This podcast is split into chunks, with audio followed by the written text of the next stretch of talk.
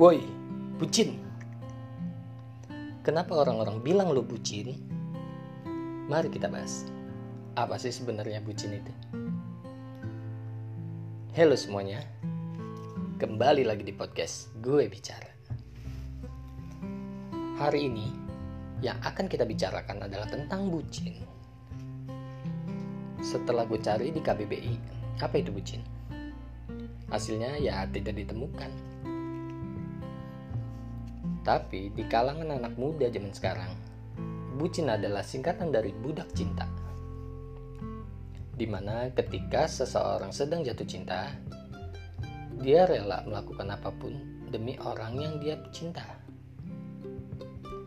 Fenomena bucin ini dilakukan baik oleh pria maupun wanita kepada pasangannya dengan alasan karena saking cintanya dan takut kehilangan.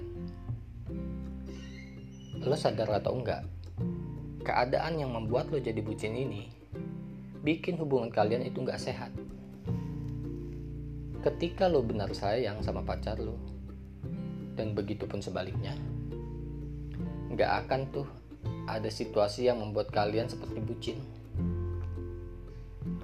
Di dalam hubungan yang sehat itu, nggak ada pihak yang merasa dominan. Tapi kalau udah ada satu pihak, udah mulai merasa dominan di dalam hubungan, dan si pasangannya nurutin semua kemauannya, di situlah hubungan kalian sudah nggak sehat, dan kalian pantas disebut bucin.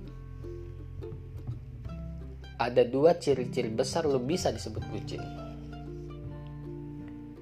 Ciri-ciri kalian bucin yang pertama bisa terlihat dari relanya kalian disuruh-suruh oleh pasangan. Sedangkan kalau orang tua kalian yang nyuruh, gak pernah tuh kalian turutin atau quick respon.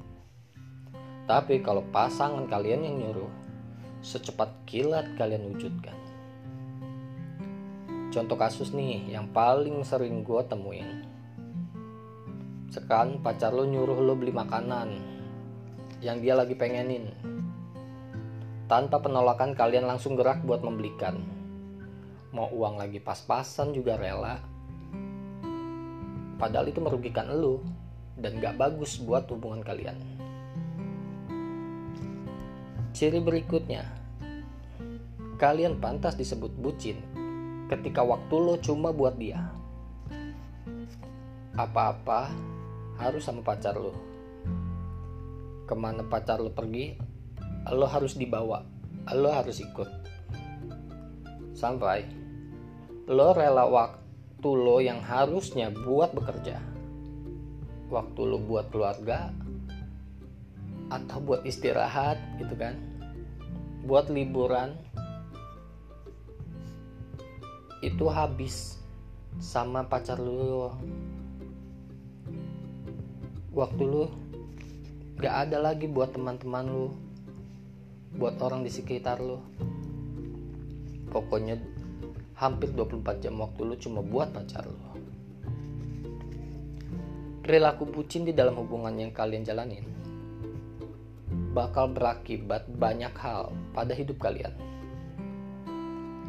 Efek buruknya bisa merusak e karir kalian karena rata-rata bucin itu nggak bakal fokus mengerjakan sesuatu. Dan indisipliner terhadap waktu. Yang di mana cepat atau lambat akan mempengaruhi kinerja kalian. Lalu semakin sedikitnya waktu kalian bersosialisasi dengan teman kalian.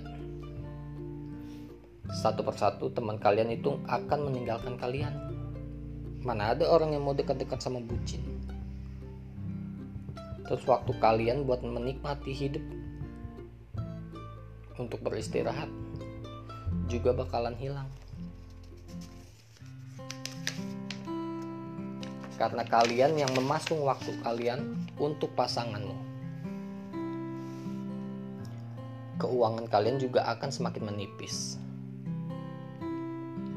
Karena lo nggak bisa nolak permintaan dari pasangan lo untuk sekedar jalan makan di luar atau belanja atau bayarin belanjaannya. Dan itu semua akan berpotensi menguras isi dompet kalian. Siap-siap aja, pengeluaran tak terduga di tiap bulannya akan menghampiri lo yang bucin. Sekarang gue beberkan gimana biar lo jadi nggak bucin dalam menjalankan hubungan. Kita tolak bucin. Kenali pasangan kalian.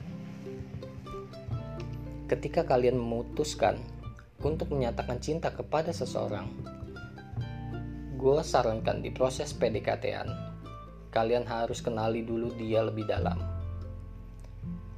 Gak cuma tampilan luarnya aja.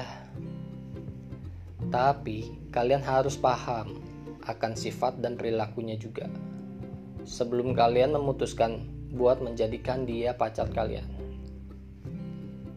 Yang kedua itu pakai otak. Pacaran itu nggak cuma soal hati dan cinta.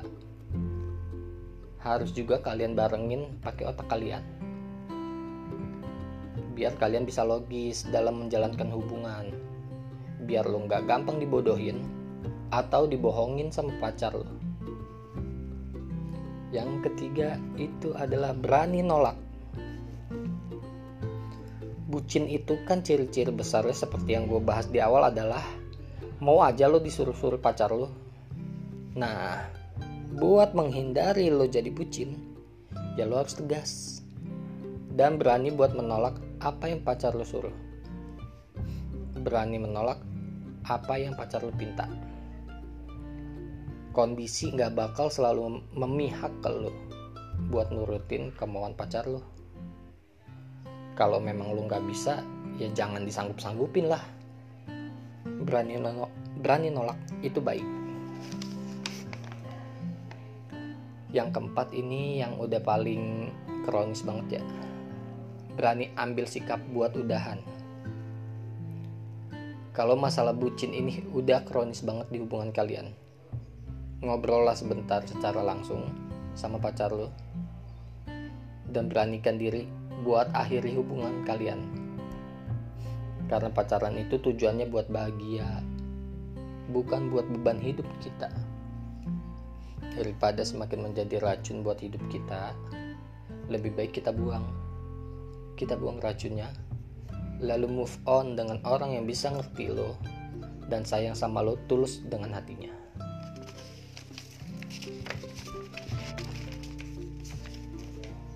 Kondisi bucin ini bukan hadir dengan sendirinya, tapi kita sendiri yang ciptain.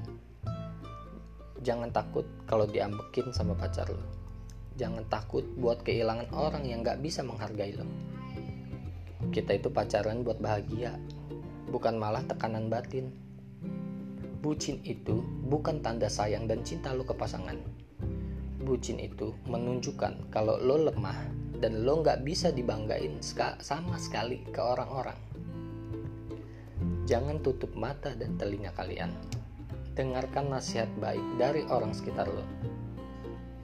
Semoga hubungan kalian tetap harmonis dan dijauhi dari perbucinan. Oke, terima kasih yang udah mau dengerin podcast gue. Semoga ada manfaat-manfaat yang bisa diambil. Semoga ini bisa jadi pelajaran buat kita semua. Dan ke depannya akan lebih baik di dalam hubungan. Oke, terima kasih. Sampai jumpa di podcast-podcast berikutnya. Siap.